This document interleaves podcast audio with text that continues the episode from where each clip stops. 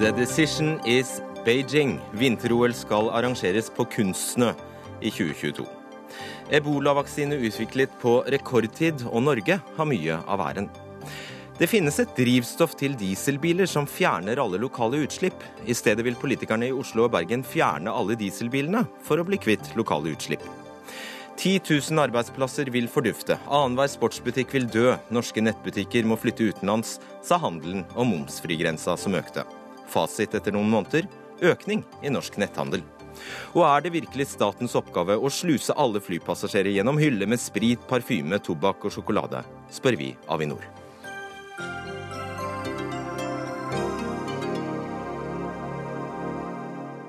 Og det gjør vi i ukas siste Dagsnytt 18. I studio er Fredrik Solvang. Ja, Vinter-OL i 2022 skal altså arrangeres i Beijing i Kina. Og Det skjer altså 14 år etter at samme by arrangerte sommer-OL. og Det betyr at den kinesiske hovedstaden blir den første byen i historien som arrangerer både sommer- og vinter-OL. Det var kun to søkere igjen etter at en rekke europeiske byer trakk søknaden, blant dem som vi vet Oslo. Og slik hørtes det ut da kunngjøringen kom litt uh, før tolv. Beijing. China, a land that inspires all. Winter, a time that touches our hearts. Eli Grimsby, direktør for søkerkomiteen for eh, Oslo 2022. Hva føler du nå? Ja, jeg må jo si at jeg veldig gjerne skulle ha vært i Kuala Lumpur. For ett år siden så var jeg ganske sikker på at Oslos delegasjon kom til å være der nede og være en av kandidatene. Eh, samtidig så må jeg jo få lov til å gratulere Beijing. Det er jo et fantastisk eh, arrangement de går til. Eh, og for Oslo ville det vært veldig morsomt å være med. Men du hadde ikke folk med deg? Sånn var det? Nei, sånn var det. Trude Dybendal, du har jo vunnet en rekke OL- og VM-medaljer. Hva er din reaksjon på at Beijing nå får vinter-OL?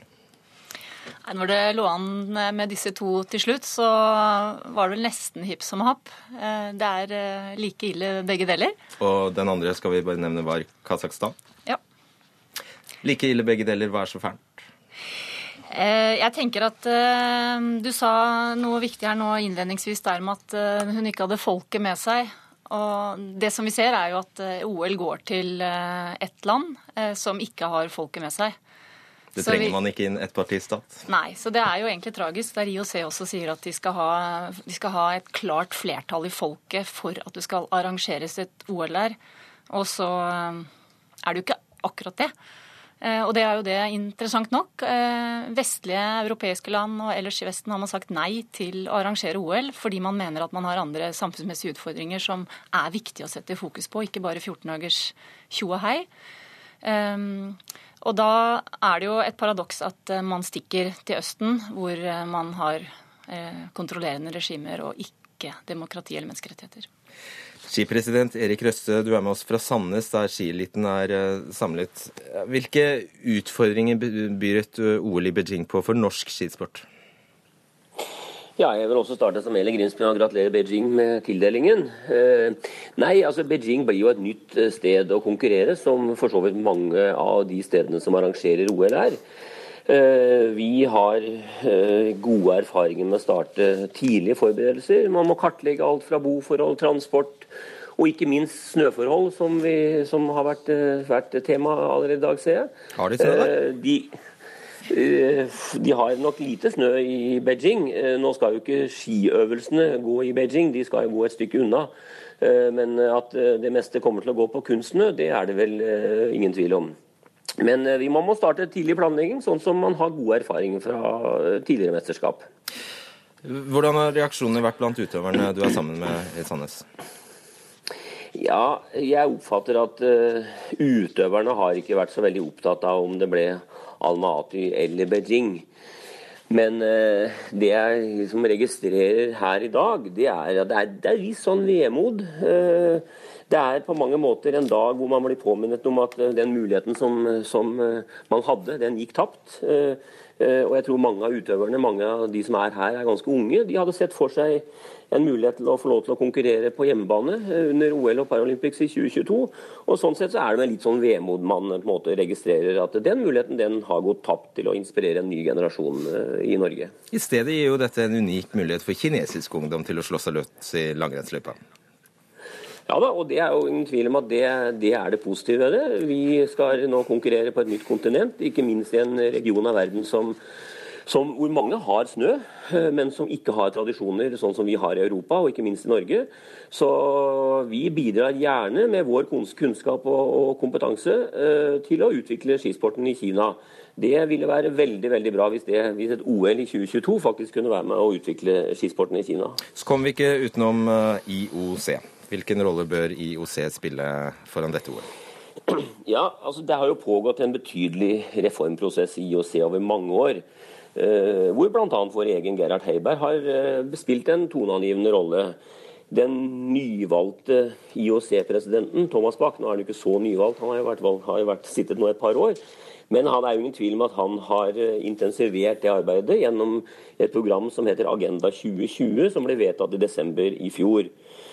Og Et av hovedområdene som Agenda 2020 fokuserer på, det er jo på fire områder. Det går på menneskerettigheter, det går på arbeidstakerrettigheter, det går på pressefrihet, og det går på miljø. Så Det viktigste IOC gjør, og som på mange måter alle medlemslandene må påse og, og sørge for at de følger opp, det er jo at de følger opp akkurat de, de punktene som jeg nå var opptatt av, i forhold til arrangøren av VM, nei, OL i, i 2022, altså Kina og Beijing. Mm.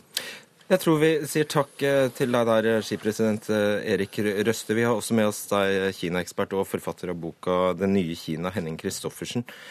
Hva slags forhold har kinesere flest i vinteridrett? Eh, litt eh, dårligere forhold enn Norge, i hvert fall. Det kan eh, trygt fastslå. Så er det jo syv år til OL skal arrangeres, og det kan hende mye kan skje på den tid. De kan bli født med ski på beina innen da? Vel, vel. De kan vel lære en del. Og det er, det er et poeng at det kan jo skje en del utveksling i forhold til opplæring også innenfor idrett. Så det er klart det, det ligger noen muligheter i det. Men det er vel, det er vel ikke akkurat en skinasjon, sånn som vi forbinder det. De tok sin første medalje i et vinter-OL i 2002 eller noe sånt, så dette er forholdsvis nytt for dem. Mm. Hvorfor vil de ha vinter-OL?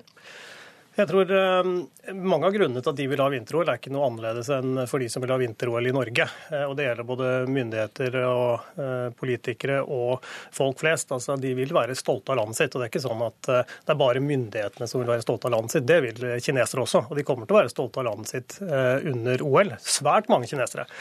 Så det, det, det, er ikke annerledes enn det ville vært i Norge. Så er det nok også sånn at for, for myndighetene i Beijing, så, så, fikk de OL i 2008. Det var svært viktig for å vise at Kina nå er en stormakt, de er i det gode selskap, de er en del av den globale verden osv. Det er jo det samme nå. De har et uh, stort behov for å vise uh, verden at de er en del av det gode selskap. Kanskje vi til og med kan si at uh, de ville vise at de var en stormakt i 2008 og på vei til å bli en supermakt, da... supermakt i 2022. Mm. så det er, det er en dimensjon her. Og da bekrefter du egentlig alle de gærne motivene som Trude Dymdal nevner? Jeg, vil, eh, vil, nok si det sånn at for en ettpartistat så eh, er det nok viktigere å ha OL som et utstillingsvindu enn det ville vært for Norge. Her eh, var det jo en rekke politikere som ikke ville ha OL. Så det, det er helt klart. Men, men, jeg vil ikke gå så langt som det Trude Dybdahl gjør. Jeg syns hun er litt for kjapp til å si, konkludere med at nærmest alle kinesere er imot myndighetene. For det er nok noe mer nyansert enn som så når det gjelder OL og andre saker. Ja. Nå snakker vi ikke om å være for eller mot, for man kan jo selv i Norge være imot eh, nåværende regjering osv. Men når man ser på, hvis vi skal snakke om globale mennesker og ikke bare tenke på navlen, så handler det om eh, det handler om menneskerettigheter, og det handler om seriøse, alvorlige brudd på det. Som hadde det skjedd i Norge, så hadde vi vært rystet langt inn i ryggmargen. Eh, så det er jo dette vi snakker om, og dette er myndighetene i Kina. Ja, og da er, jo, da er det jo sånn, det er jo, det er jo et reelt dilemma. Eh, Norge er jo i Kina. Vi er der med forskning, utvikling, vi er der med kultur, eh, vi er der med næringsliv. Eh, norske politikere, norske regjeringen, vil jo eh, svært gjerne ha et normalisert forhold til Kina.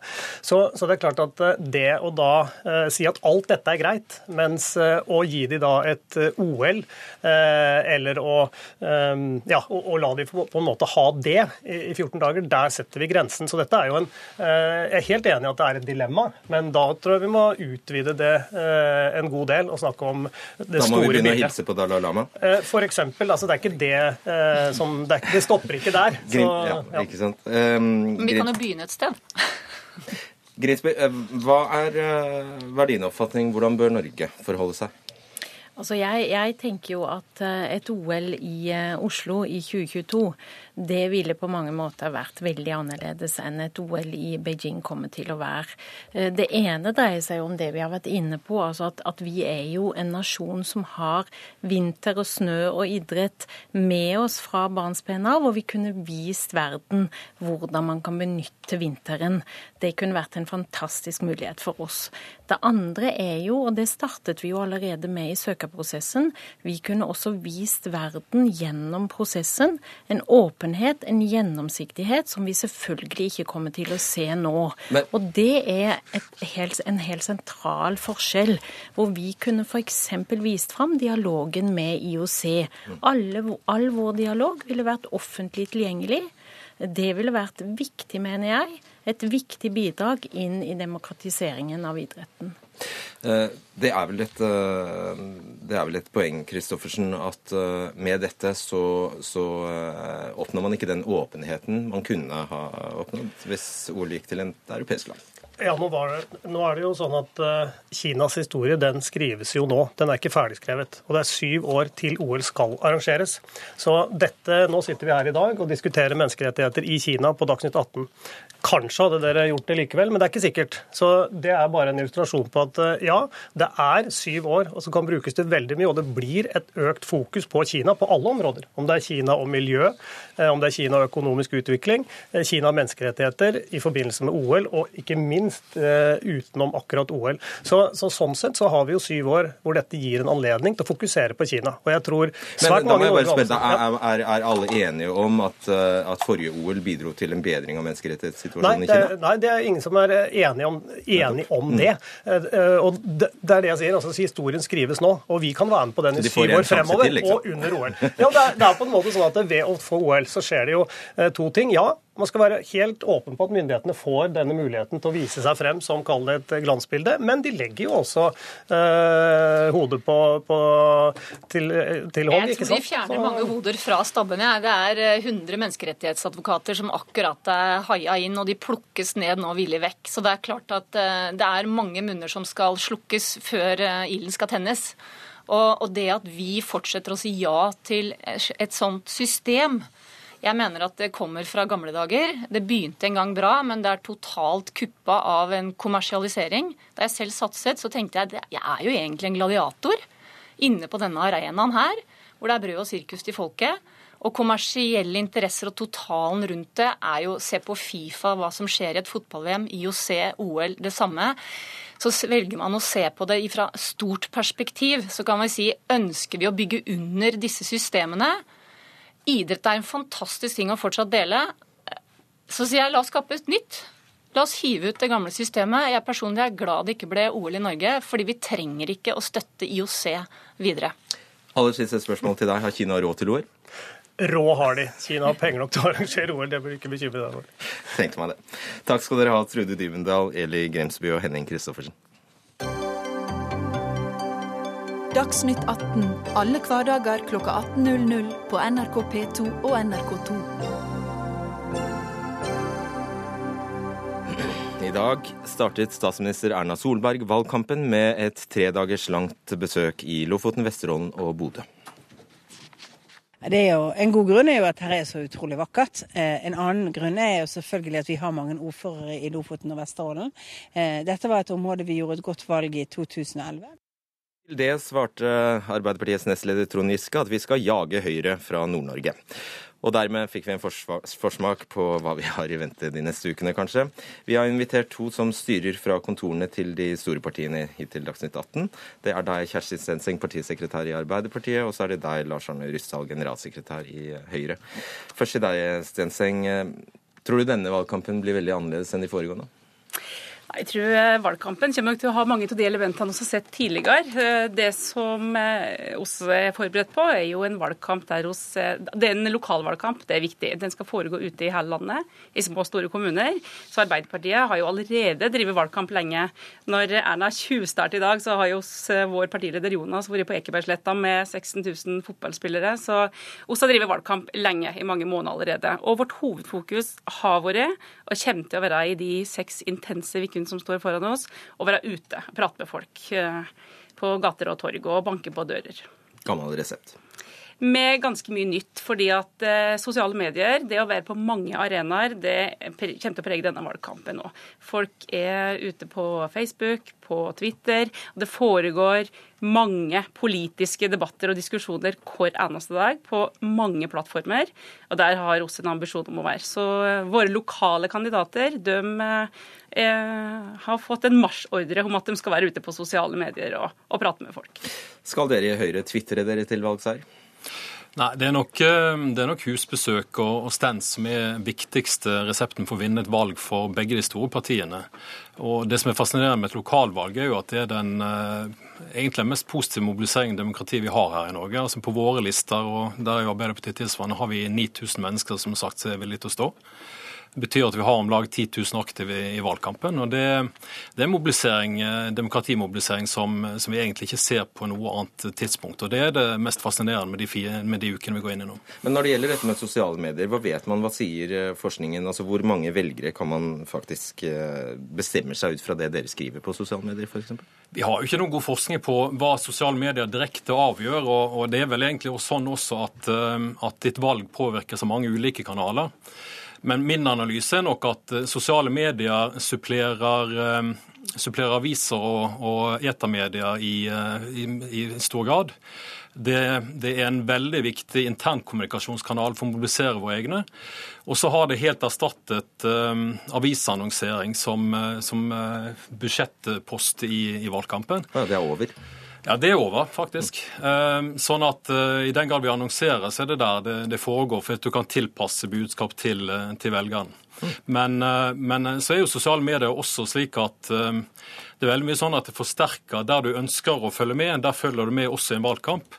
Sånn at det er veldig mange velgere som overhodet ikke kommer til å ta til seg politiske tingene på sosiale medier. og Derfor er vi nødt til å møte dem på, på gater og på husbesøk. Ja, Det er mange som ikke er på Twitter, f.eks. Ja, det er veldig mange. Så det er et supplement, som Lars Arne sier. Og så har jo eh, nå eh, det vi kommer til å se fra Arbeiderpartiet nå, og sikkert fra veldig mange andre partier, er jo grasrotmobilisering. Vi har jo opplevd nå i de to åra vi snart har sittet i opposisjon, at veldig mange har meldt seg inn i Arbeiderpartiet. Vi har hatt en rekordvekst i medlemmer som òg ønsker å være med og drive valgkamp, ønsker å være aktive.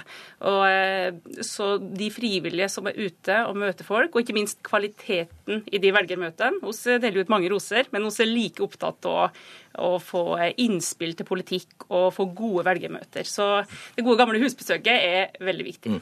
Noe annet som jo har skjedd, eh, ikke nå, men eh, over en tid, er jo at vi alle har blitt eh, fotografer med små smarttelefoner. For det noe, og dette kan da raskt legges ut på, på sosiale medier eller andre kanaler. Får det noe å si for hvordan dere har forberedt deres kandidater? Peppet dem for opptredener, nærmest? Også har brukt ganske mye ressurser på og, eh, kandidatene våre at de skal bli kjent med bruken til sosiale medier. Måten du legger ut på, altså bruke den arenaen for å få fram vår politikk, for å gi og velgerne i andre enden muligheten til å diskutere, stille spørsmål, ikke minst det å svare og få til en toveiskommunikasjon. For en ting er jo å få fram vår politikk og hvorfor det er viktig for oss at Arbeiderpartiet skal styre flest mulig kommuner, men òg bruke anledningen til å få innspill, lytte. Hva er viktig for folk i, i lokalsamfunnet. Mm. Det er et eksempel på at du som kandidat ikke bare må presentere en lekse av politisk budskap, men du også byr litt på deg sjøl for å være interessant for, for velgerne for å komme i dialog. Det tror jeg er helt riktig. Men så er det også veldig stort behov for å formidle til mange nye på den politiske arenaen at, at det er et veldig stort ansvar å være politiker. Hvordan du opptrer, og at du faktisk er det nesten det vi kaller 24-7, altså døgnet, døgnet rundt. Sånn at eh, det er nok eh, en opplevelse kan være litt uh, skrekkinnjagende for, for, en del av de som prøver seg for første gang. Hvordan tenker partiet da? Så tar dere sjansen på å sende uerfarne lokalpolitikere ut i, i, i mediene, mediene, eller satser dere på trygge kort? Altså, Lokalmediene er jo ekstremt viktig i, eh, i eh, lokalvalgkampen. og Det samme er både Facebook og Twitter. Så det er ikke noe alternativ til at de som står på en liste, de må også vise frem. Ellers så blir du ikke valgt. Og Vi ser også at det er de, eh, det er de kandidatene som går på husbesøk, som står på stand, som også blir kumulert inn i, på, på listene landet, landet rundt. Så den gamle, gode standen har veldig mye å si? Ja, selv om jeg vil nok si at, eh, at husbesøk er enda viktigere. Stand er en eh, måte å vise frem på, på samme måte som å ha en båd og være synlig i bybildet. Men, men er, samtalene kommer faktisk oftest når du, når du uh, forstyrrer folk hjemme når de holder på med kaffekoppen. Det, det er det noen som syns er litt uh, skummelt, men, uh, men, det viser seg at det blir veldig mange hyggelige velgermøter av det. Ja, så er det jo slik at Nå settes jo dagsorden nær sagt døgnet rundt, både av media og av politikere som er ute på sosiale medier og på, på andre plattformer. Så, og har jo, Det har jo vært diskusjon nå om det med sånn nettvett og det å ha anstendig diskusjon, respekt for uenighet. og Det har jo også brukt ganske mye tid på. at uh, Vi er opptatt av å få fram vår politikk, vårt alternativ. Uh, og uh, denne usakligheten, personangrepa, personkarakteristikker som en til tider ser fra en del politikere, det, det håper ikke jeg vil prege valgkampen. Det håper vi alle. Eh, dere risikerer, risikerer, jo faktisk miste både Bergen og Oslo til eh, de røde etter valget. Hva vil i så fall det bety for partiet på riksplan? Ja, Vi risikerer, det gjør en alltid. Vi, vi risikerer å miste alle ordførerne. Vi kan vinne alle. Men vårt utgangspunkt er at vi skal, skal, vise at vi faktisk kan bryte en trend. Det, det, er helt vanlig og helt normalt at et regjeringsparti eller regjeringspartier går tilbake i lokalvalg.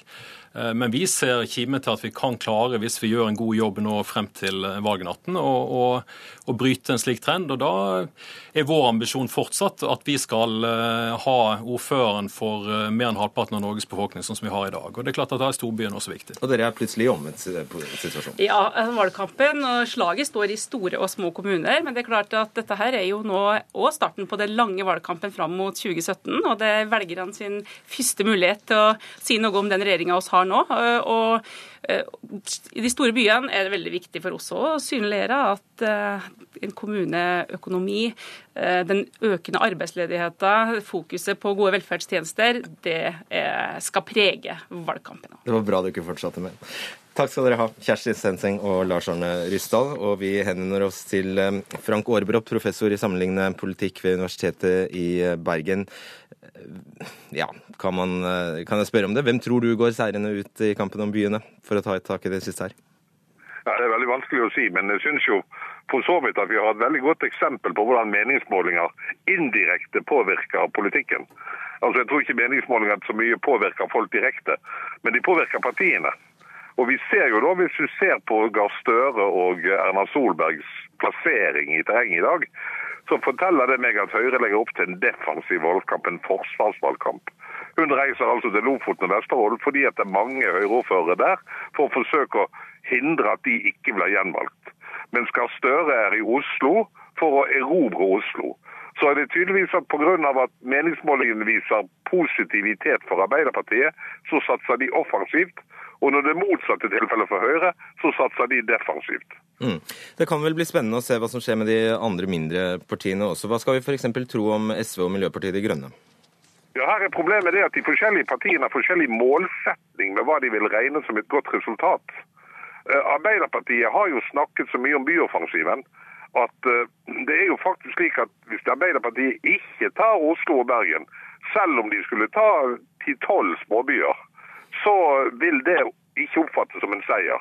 Men hvis Arbeiderpartiet tar Oslo og Bergen uten å ta mer enn kanskje to-tre småbyer, så vil de oppfatte det som en stor seier. Og omvendt for Høyre. Høyre vil være i akkurat omvendt situasjon. Mister de Oslo og Bergen, spiller det ingen rolle hvor mange ordførere de beholder i Lofoten og Vesterålen. Eh, da vil det oppfattes som et nederlag. Så det blir en veldig fokus for de to store partiene på Oslo og Bergen. Men f.eks. For, for Senterpartiet så gjør målet å beholde flest mulig av de ordførerne de har. For Miljøpartiet De Grønne er det om å gjøre å få representasjon i flere kommuner enn de har representasjon nå. For SV er det omvendt.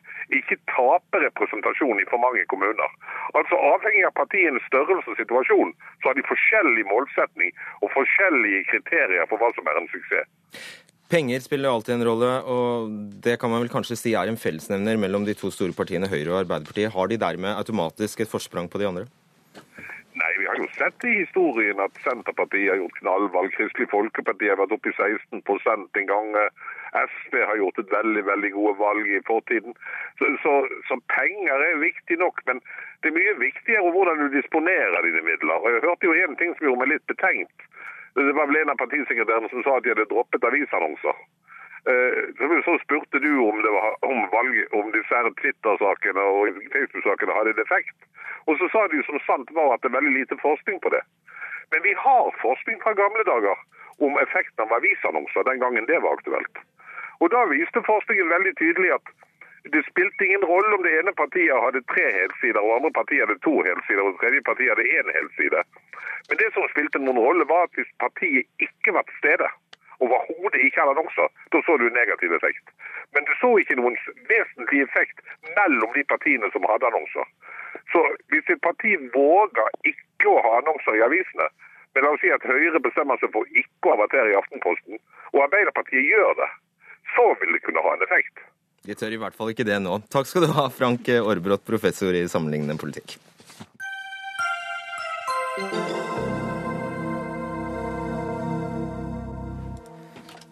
Så skal vi snakke om noe hyggelig. Vi skal høre at en ny ebolavaksine er 100% effektiv. Vaksinearbeidet i Guinea, som, er, eh, som, Norge har ledet, har vært svært vellykket. Og dermed er dette trolig det siste store utbruddet av denne brutale sykdommen, sier Folkehelseinstituttet, representert ved deg, Jon Arne Røttingen, smitteverndirektør der. Norge har gått inn med 500 millioner kroner til dette arbeidet. Kan du beskrive Norges rolle?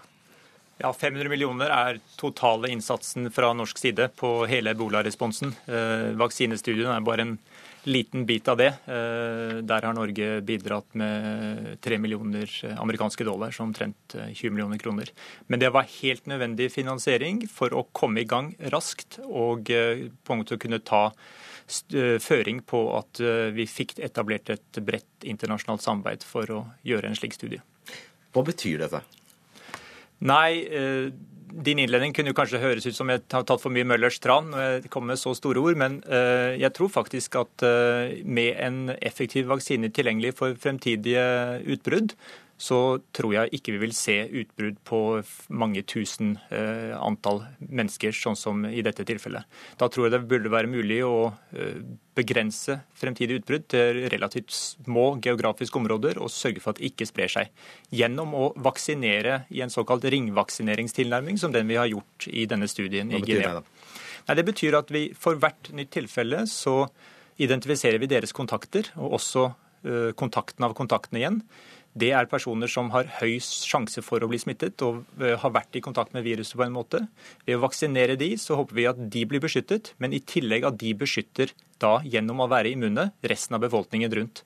Og Dermed med en målrettet vaksinasjonsstrategi så kan vi greie å stoppe den hele spredningen. Hva med de som allerede er smittet, da? De som allerede er smittet, de eh, mest sannsynlig vil utvikle sykdom. Men det kan òg være, og det kan ikke vår studie foreløpig si, men det kan være at eh, tidlig vaksine etter at du er smittet, faktisk også beskytter. Det må senere forskning undersøke. Så er jo ebola langt fra noe nytt. Eh, men denne, dette nitide arbeidet ble altså satt i gang i fjor. Hvordan har det kunnet gå så raskt? Ja, kanskje først noen ord om hvorfor det har tatt så lang tid. Eh, for det er ikke en god historie, tenker jeg. At vi fra 1976 har påvist viruset, og så at det har tatt 40 år før vi virkelig kom i gang. Eh, for det var jo slik at det, disse vaksinekandidatene var tilgjengelige og kunne ha vært satt i gang i tidlige kliniske studier lenge før. Heldigvis så mobiliserte verdenssamfunnet eh, sammen fra tidlig i fjor høst for å prøve ut i storskala eh, på disse vaksinene. Og jeg vil si at det er godt koordinert internasjonalt samarbeid mellom offentlige myndigheter, mellom finansiører og mellom forskere og forskningsmiljøer som har gjort at vi har kommet hit vi er i dag. Og Det håper jeg kan skape presedens for hvordan vi kan utvikle vaksiner og medisiner for andre behov som særlig de fattige landene har. For der virker ikke de kommersielle markedene, og der er det ikke en profitt å hente. og Derfor må vi utvikle medisiner og vaksiner på andre måter. Og selv om ebola i seg selv er en forferdelig eh, sak, så er det faktisk ikke flere enn 11 000 som har eh, omkommet. Og man har jo andre sykdommer som eh, hiv, tuberkulose malaria som tar livet av veldig mange flere. Og Der virker det ikke som det går eh, like raskt, akkurat. Nei, eh, når det gjelder vaksineutvikling, så gjør det ikke det. Eh, men det er ikke pga. manglende innsats. Det forskes svært omfattende på vaksiner for alle de tre sykdommene. Den første malariavaksinen ble godkjent av europeiske legemiddelmyndigheter for bare noen uker siden. Men den er ikke veldig effektiv, og vi håper jo inderlig at det vil kunne komme mer effektive vaksiner på, på sikt. Men grunnen til at, ikke er, eh, at, vi ikke har bedre vaksiner, er nok rett og slett at det er svært vanskelig rent vitenskapelig å, å finne de riktige angrepspunktene. Dette var heldigvis lettere for ebola, ser det ut til. Og vi er svært glade for den nyheten. Og med hånda på hjertet så har det absolutt ingenting med å gjøre at det kom hvite mennesker hjem til eh, Europa som måtte legges i isolat, og som ble døgnkontinuerlig overvåket av TV-kameraer. Det kan jeg dessverre ikke si, for jeg tror den oppmerksomheten eh, som ebola fikk i Vesten gjennom den mulige frykten, den bidro til å mobilisere verdenssamfunnet for også forskning og utvikling. og det bør kanskje ikke være sånn, men vi må iallfall når det først er sånn, utnytte de mulighetene til å hjelpe der det virkelig trengs. Gratulerer. Takk for det. Og takk til deg. Hør Dagsnytt 18 når du vil. Radio NRK Radio.nrk.no.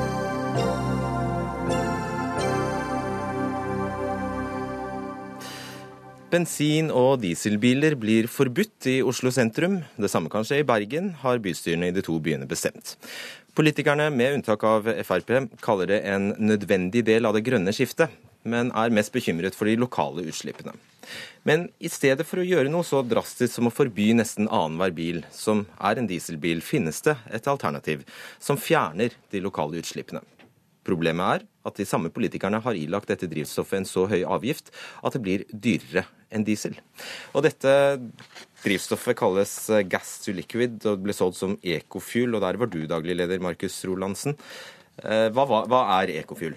Eh, Ekofuel, eller Ekopar som det heter, er et alternativt drivstoff laget av naturgass eh, som fjerner de lokale utslippene, eh, reduserer partikkelutslipp og NOx, samtidig som det kan brukes på en dieselmotor uten at det ombygges. Enkelt forklart så er det istedenfor å bygge om bilen til naturgassdrift, så bygger vi naturgassen om til å fungere på en eksisterende dieselbil.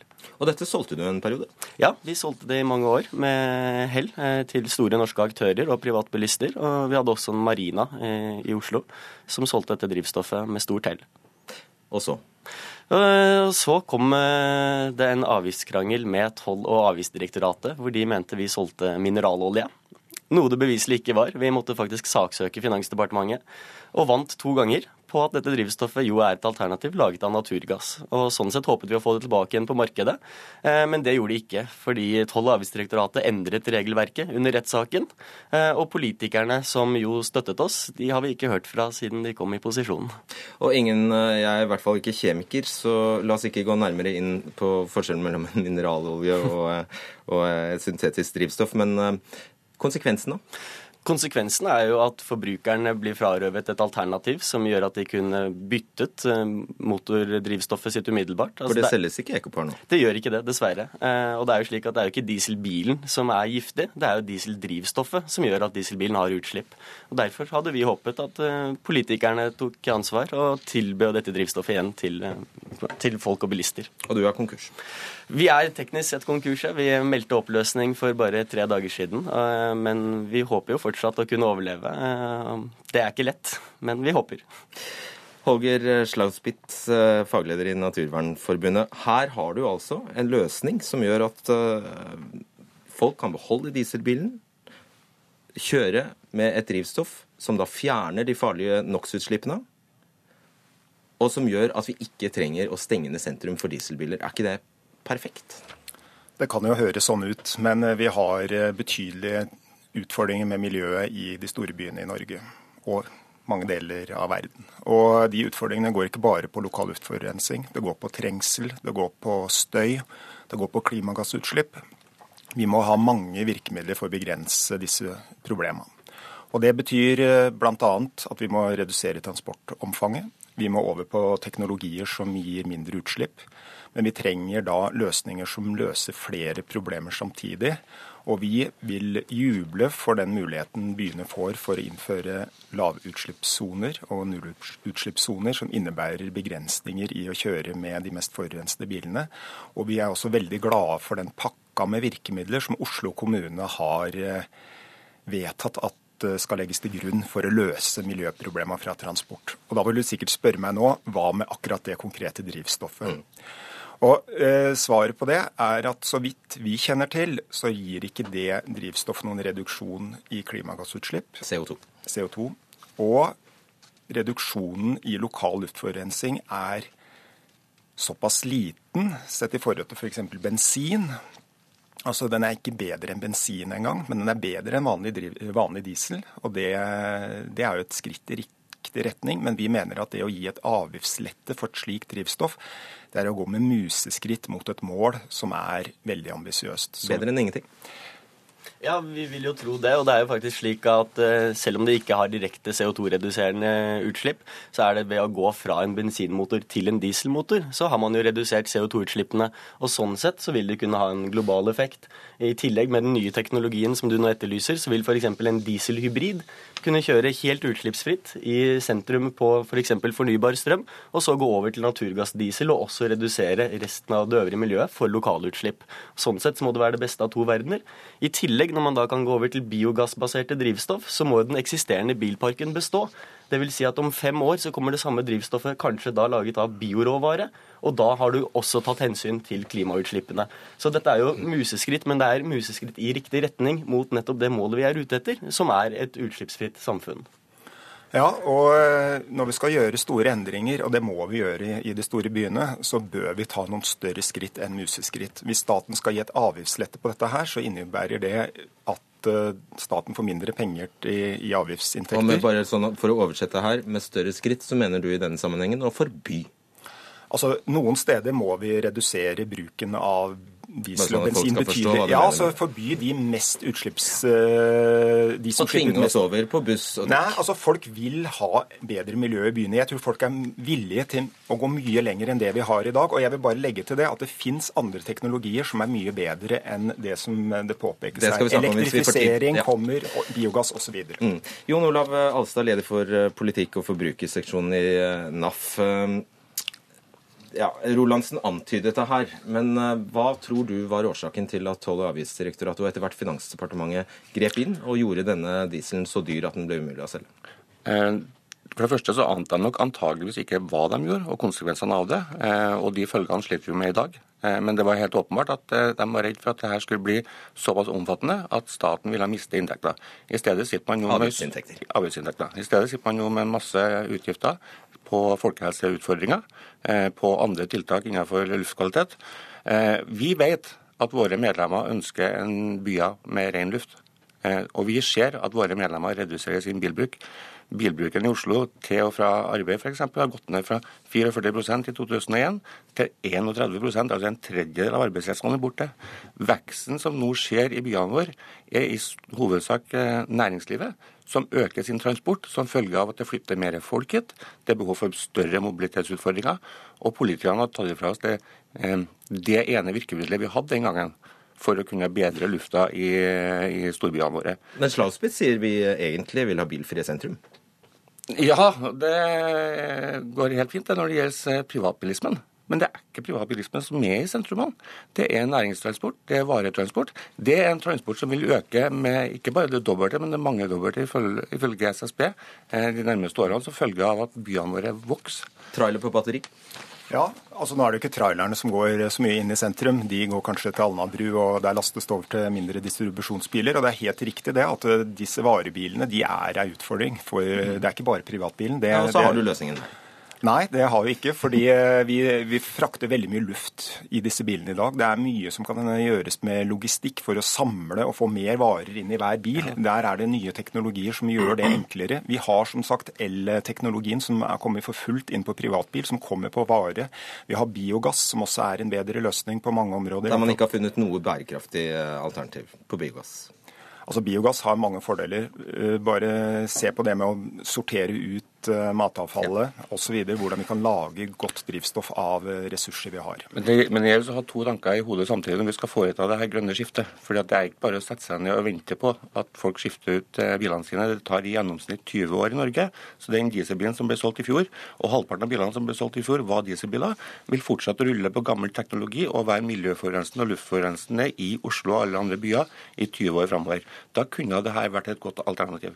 Så har vi også etterlyst større insentiver for å få bytta ut varebilparken vår, få elektrifisert ganske storstilt den transporten. Dette var et drivstoff som hadde nettopp den typen transport som hovedkunde. Eh, det var ikke massemarkedet. For det var store selskaper som Telenor og Statoil osv.? Det står bl.a. en pumpe rett utenfor NRK-huset, for NRK var en av de store. Eh, Oslo kommune er en av de største synderne på dette området. De har masse biler som går i transport døgnet rundt. Eh, I hjemmehjelpen, i, i brann, i vann og avløp. Alle de her. De Utfordringene er ikke adressert i hele tatt. Dette kunne ha vært en løsning på det. Syntetisk drivstoff er ikke bare ekofuel. Det er også flere andre alternativer. Nå finnes det også utvikla, og under utforskning, syntetisk diesel som også senker CO2-utslippene med bortimot 90% Men eh, Rolandsen, Det er altså et utvetydig faktum at dette er fossilt. og det, et, altså, Hovedpoenget til Slauspitz er at det skal vi ikke drive med. Så Derfor kan dette være en blindgate. Og Når bystyret f.eks. i Oslo da har vedtatt at innen 2025 så skal alt fossilt drivstoff bort fra veiene, så selv om du hadde fått stelle vidt drivstoffet ditt, så hadde du bare kunnet gjøre det i noen få år. Eh, ja, eh, og det er en del av overgangen. For vi tror nettopp også at eh, fossilt ikke er en del av den langsiktige framtiden. Men inntil det kommer, så mener vi at å beholde den eksisterende dieselparken, som jo allerede uansett går, og som nettopp består av brannbiler, lastebiler, lokaltransport, taxier og lignende, de trenger en overgang. Og da må de velge et bedre alternativ nå, som er naturgassbasert. Og så kan de gå over til biogass og høyinnblanding av alt fra algediesel eller syntetisk diesel laget av vann, som jo forskere nå faktisk har greid å finne ut. Slagsbitt, jeg, jeg syns jeg har hørt at eh, politikerne si, eh, fortelle at dette grønne skiftet ikke skal gjøre vondt. Ja, og jeg tror ikke det kommer til å gjøre så veldig vondt. det er jo vondt hvis du må skrote dieselbilen eller bensinbilen din. Altså det, det, forslaget som ligger nå med lavutslippssoner, er jo ikke at eh, du skal skrote bilen din, det er at du ikke skal kunne kjøre med de mest utslippsintensive bilene i enkelte områder hvor det er stor luftforurensning. Noen vil si det er vondt. Det er veldig vondt for de menneskene som i dag sliter med luftveisinfeksjoner og dårlig hva skal jeg si, astmatikere osv. Disse menneskene er blitt nedprioritert til fordel for bilismen i over et halvt hundreår nå. Nå er det på tide å si at eh, det er miljøet som skal ha førsterett. Og da må vi ta et skritt i riktig retning som er lenger enn disse museskrittene vi snakker om. Ja, det kunne vært en god løsning akkurat for, det, for den typen mennesker. Eh, ja. Fordi at I den indre bykjernen så finner du ikke så veldig mye privatbilisme. Det er varetransport, det er hjemmehjelpa, det er kommune kommunene eller tjenester. Det er alle de eh, transportetatene som vi vet kommer til å vokse, uavhengig av eh, om vi innfører tiltak, for de er unntatt fra disse forbudene, de her eh, gruppene her. Men da må vi gå over på de løsningene som virkelig monner. og altså, vi må ha, begge deler. Ja, det, det, må vi. Da er jo et giftfritt alternativ i hvert fall en veldig god start for de som sliter med luftveisproblemer og har problemer med de lokale utslippene. For det er jo de som først og fremst plager folkehelsa, ikke CO2-utslippene. Nei, men bare et lite poeng der. Da er det viktigere at vi retter innsatsen på f.eks. å få elektrifisert mer av varebilparken istedenfor å gå over på et annet drivstoff på en bilpark som egentlig ikke har framtida foran seg. Men, men, der er vi enige om at det er et must, at det må innføres ordninger. Det har de samme politikerne som vedtok å fase ut det her i drivstoffet, svikta på. Nå forventer vi at det kommer løsninger også på en storstilt elektrifisering av varetransporten. Til slutt, eh, Rolandsen, tror du politikerne eh, forsto hvilket drivstoff du solgte? Nei, jeg tror ikke politikerne forsto det. Jeg tror først og fremst det var Toll- og avgiftsdirektoratet som eh, startet dette korstoget mot oss, og så har ballen rullet videre. Eh, men jeg håper jo til det siste på at både forbrukerne og leverandørene skal få vilkår som gjør at fremveksten av alternative drivstoff og teknologier eh, vil vinne over avgiftskroner. Takk skal dere ha, Markus Rolandsen, Holger Slaupitz og Jon Olav Alstad.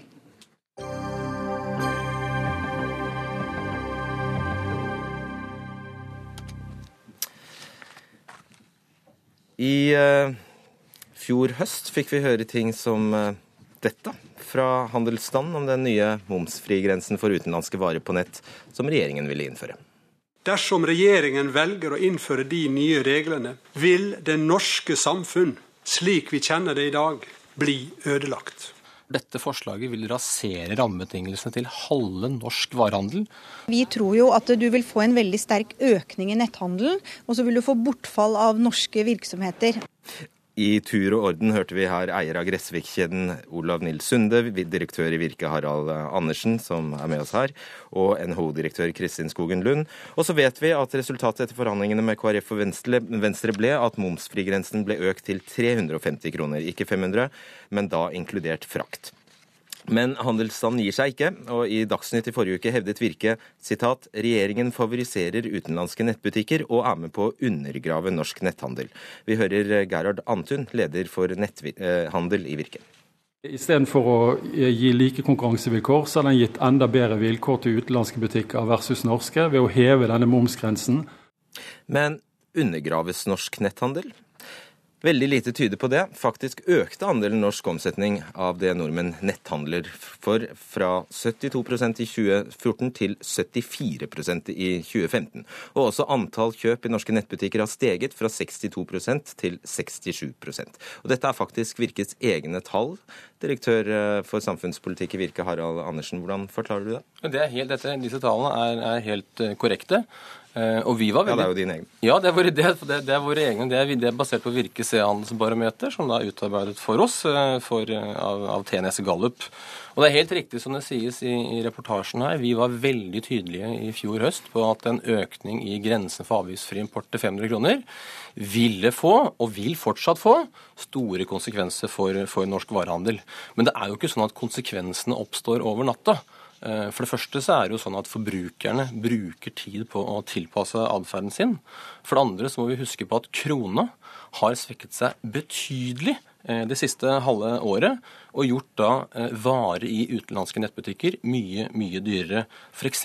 så svekket krona seg mot dollaren hele 40% Og det har ikke akkurat skjedd siden oktober i fjor, unnskyld at jeg sier det. Det har skjedd siden oktober i fjor. Ja, det, svekket seg. Og sist, men ikke minst, så er vi i Virke veldig glad for at eh, Stortinget da faktisk lyttet til Virke, og reduserte da skadevirkningene av hevet momsgrense ved at man da senket avgiftshevningen, eller grensehevningen fra 500 til 350 kroner. Du, Hvor mange av de 10 000 arbeidsplassene som skulle forsvinne, har forsvunnet? Nei, Akkurat i, i, i tråd med, med, de tre eh, argumentene som jeg akkurat har anført, så tror jeg alle har forståelse for at det er altfor prematurt nå å begynne å tallfeste hvor store konsekvensene av økningen til 350 kroner er og har vært. Okay. Og du vet heller da ikke hvor mange av sportsbutikkene halvparten skulle forsvinne. Hvor mange har forsvunnet? Nei, Det er helt umulig å tallfeste på så tidlig tidspunkt. Men at konsekvensene kommer til å bli store på, på sikt, det tror jeg alle forstår. Jørgen Nesje, statssekretær i Finansdepartementet for Fremskrittspartiet. Strengt tatt er det vel for tidlig å konkludere? Jeg, jeg, jeg, ser det jeg ser, og det er at uh, selskap etter selskap uh, leverer bedre tall. Mye av økningen i omsetning skyldes nettopp netthandel. Du hadde XXL i går. Kid var ute i Finansavisen i, i dag. Der var det også økt netthandel, økt omsetning. Det har vært uh, økt omsetning for detaljhandelen og netthandelen. SSB sier at det var 13% økning første kvartal i år sammenlignet med samme tid i fjor. Så alt går bra for netthandelen. Og Virkes spådommer er gjort til skamme. Og jeg er faktisk litt overrasket over at Virke fortsatt holder på de dommedagsprofetiene. Uh, Virke sa i høst at eh, det ville gå eh, nedenom og hjem omtrent. Deres våpendragere deres side sa at vi ville få omtrent mørklagte kjøpesentre. Vi har ikke sett noe at det går, det går tvert imot meget bra. Jeg er undres over at fortsatt eh, disse dommedagsprofetiene trekkes frem her. Altså. Dette blir jo å snu hele saken på hodet. For jeg håper jo Nesje og resten av regjeringen er veldig glad for at norsk varehandel generelt og norsk netthandel spesielt opplever omsetningsvekst. Hvis ikke vi hadde gjort det, så hadde det vært et tegn på at ting sto alvorlig, alvorlig galt til i norsk økonomi. At vi var en dyp økonomisk krise. Det er vi selvfølgelig ikke. Og det er klart, vi har lenge sett en trend i at netthandelen vokser raskere enn en enn en varehandelen generelt. Og den trenden kommer til å fortsette. Og Derfor eh, ser vi også nå at selskap etter selskap posisjonerer seg da eh, på nett. Rett og slett fordi at skal du være med å konkurrere om den norske forbrukeren, ja, så må du også være, være tilgjengelig på, på, nett. Men så har jeg lyst til å si da, Jørgen, at altså, det er jo interessant å registrere at når du og regjeringen omtrent i enhver sammenheng er ute og snakker, så bruker dere anledning til å snakke om omstillingsbehovene i norsk økonomi, og hvordan nye næringer må ta over som vekstmotorer etter olje og, olje og gass. Og da rimer jo da, i hvert fall i mine ører, svært dårlig eh, hvordan du da samtidig klarer å diskriminere med åpne øyne Norges desidert største næring, til fordel da for de utenlandske konkurrentene. Okay, og Det er en situasjon hvor resten av Europa går i stikk motsatt retning. Danmark eksempel, har lagt fram en handlingsplan for å fremme dansk netthandel. Eh, ja, Vi har ikke lagt frem en sånn, eh, sånn, plan, men vi jobber med forenklinger på mange områder. Og vi jobber for å redusere skattenivået. Det er vår eh, beste medisin for, for omstilling. Men igjen, netthandelen den går så det suser. og Eh, Virke tok totalt feil i, i, høst. Uh, han sier at vi snur dette på hodet. Jeg sa det i høst, at det kommer ikke til å være store, store forandringer og masse konkurser og tapte arbeidsplasser. Det har ikke skjedd. Og jeg tror ikke det kommer til å skje, skje videre heller, pga. Kanskje... den 350-kronersgrensen. Det er en veldig bra sak for forbrukerne. Det kan jo kanskje være fordi KrF og Venstre fikk moderert forslaget ditt? Fortsatt så ble den jo økt. Så ut fra de, det han selv kalte konservative anslag i Virke med 10 000 arbeidsplasser, så burde man jo sett en effekt. Men uh, da får vi vente om den kommer, da. Nei. Så vi møtes her gjennom et halvt år og Nei. se om det er blitt så ille da. Du har helt riktig at vi omtalte det estimatet som konservativt. Og det er ikke noe estimat vi bare trakk ut av hatten. Eh, vi registrerer så går at det estimatet ble verifisert en helt uavhengig analyse av PA Consulting, som også da ble bl.a. lagt fram i Dagens Næringsliv i, i, i, fjor høst. Eh, og du må huske på det, at netthandelen, altså nordmenns netthandel i utenlandske nettbutikker allerede i dag er betydelig. Faktisk så er det sånn at 33% hvert tredje kjøp du og jeg gjør på nettet, det gjør vi i dag i utenlandske, utenlandske nettbutikker. Og, og, og, og, hvis du går og ser på de kjøpene vi gjør i de utenlandske nettbutikkene, så er det småkjøpene som dominerer. To av tre kjøp som Ola Nordmann gjør i utenlandske nettbutikker, er på under den magiske grensen på 350 kroner. Det viser, jo, det, viser, det viser jo bare at den norske forbrukeren allerede har tilpasset seg. Og så kommer jo ikke konsekvensene over natta. Det må nødvendigvis ta noe tid. Og som jeg viste til i stad, bl.a. så har da krona svekket nytt? Betydelig. Jeg stiller gjerne når som helst eh, i, i, debatt om denne saken. Fordi I går kom det jo f.eks. tall fra SSB som viste at det var det de kalte en, et et shop hopp fra mai til juni. altså. Det var i detaljhandelen på, altså i vanlige butikker. Ja, altså Det er litt misvisende kommunikasjon fra SSB sin side. For det er helt riktig at mai var en fryktelig dårlig måned for varehandelen fordi været var dårlig. Og så fikk man på mange måter en rekyl i juni, slik at summen av mai og juni viste en helt grei eh, omsetningsvekst i norsk okay, varehandel. Det var en grei forklaring. Regjeringen økte denne grensen for avgiftsfri import fra 200 til 350 kroner. Eh, det er jeg veldig stolt for at vi gjorde. Og uh, dette har ikke hatt så alvorlige eh, konsekvenser som det Virke sa. Så jeg er veldig glad for at vi gjorde det, og det er en men, forenkling og bra for norske forbrukere. Ingen har påstått at dette ville få betydelige konsekvenser i løpet av noen få måneder. Og i hvert fall ikke når vi vet at kronekursen har svekket seg så mye som den har gjort denne perioden. Men konsekvensene kommer på sikt. Så bastant du var i høst, så er det litt rart at du kommer trekkende ved kronekursen nå. Dere var så bastante på dette helt, at uh, vi burde sett de konsekvensene altså, for lengst. Det er hyggelig at du tillegger oss uh, den typen flatterende egenskaper, men heller ikke vi i Virke var i stand til å kunne predikere oljeprisfallet og svekkelsen okay. i kronekursen i fjor høst. Andersen, hvis pilene peker samme vei om et halvt år, klarer du da å si at du tok feil? Eh, jeg kan gjerne si at jeg, jeg har ikke noe problem med å innrømme feil. og Ingenting ville glede meg mer enn at norsk, handel, norsk netthandel vokser og tar markedsandeler for utenlandsk netthandel. Men jeg tror det ikke før jeg får se det. Ok, takk. Harald Andersen og Jørgen Nesje.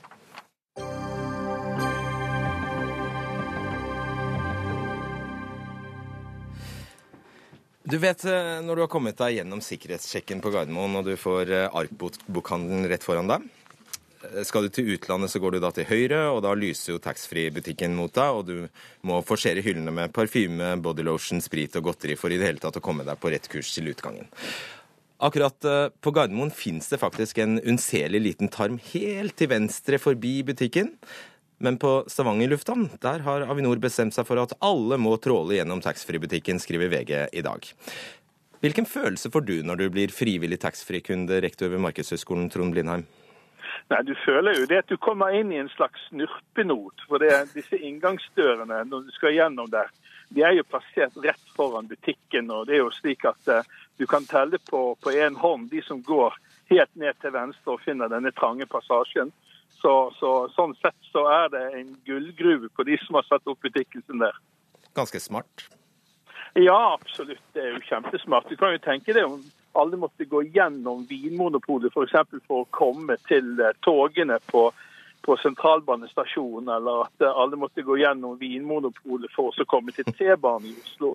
Og eh, det er jo slik at På disse store norske flyplassene som har taxfree, så passerer det altså inn og ut, da, både de som kommer til landet og reiser ut av landet, 7 millioner og 39 544 eh, passasjerer. Sant? Og de aller fleste av disse, antagelig liksom 95% må gå gjennom disse butikkene.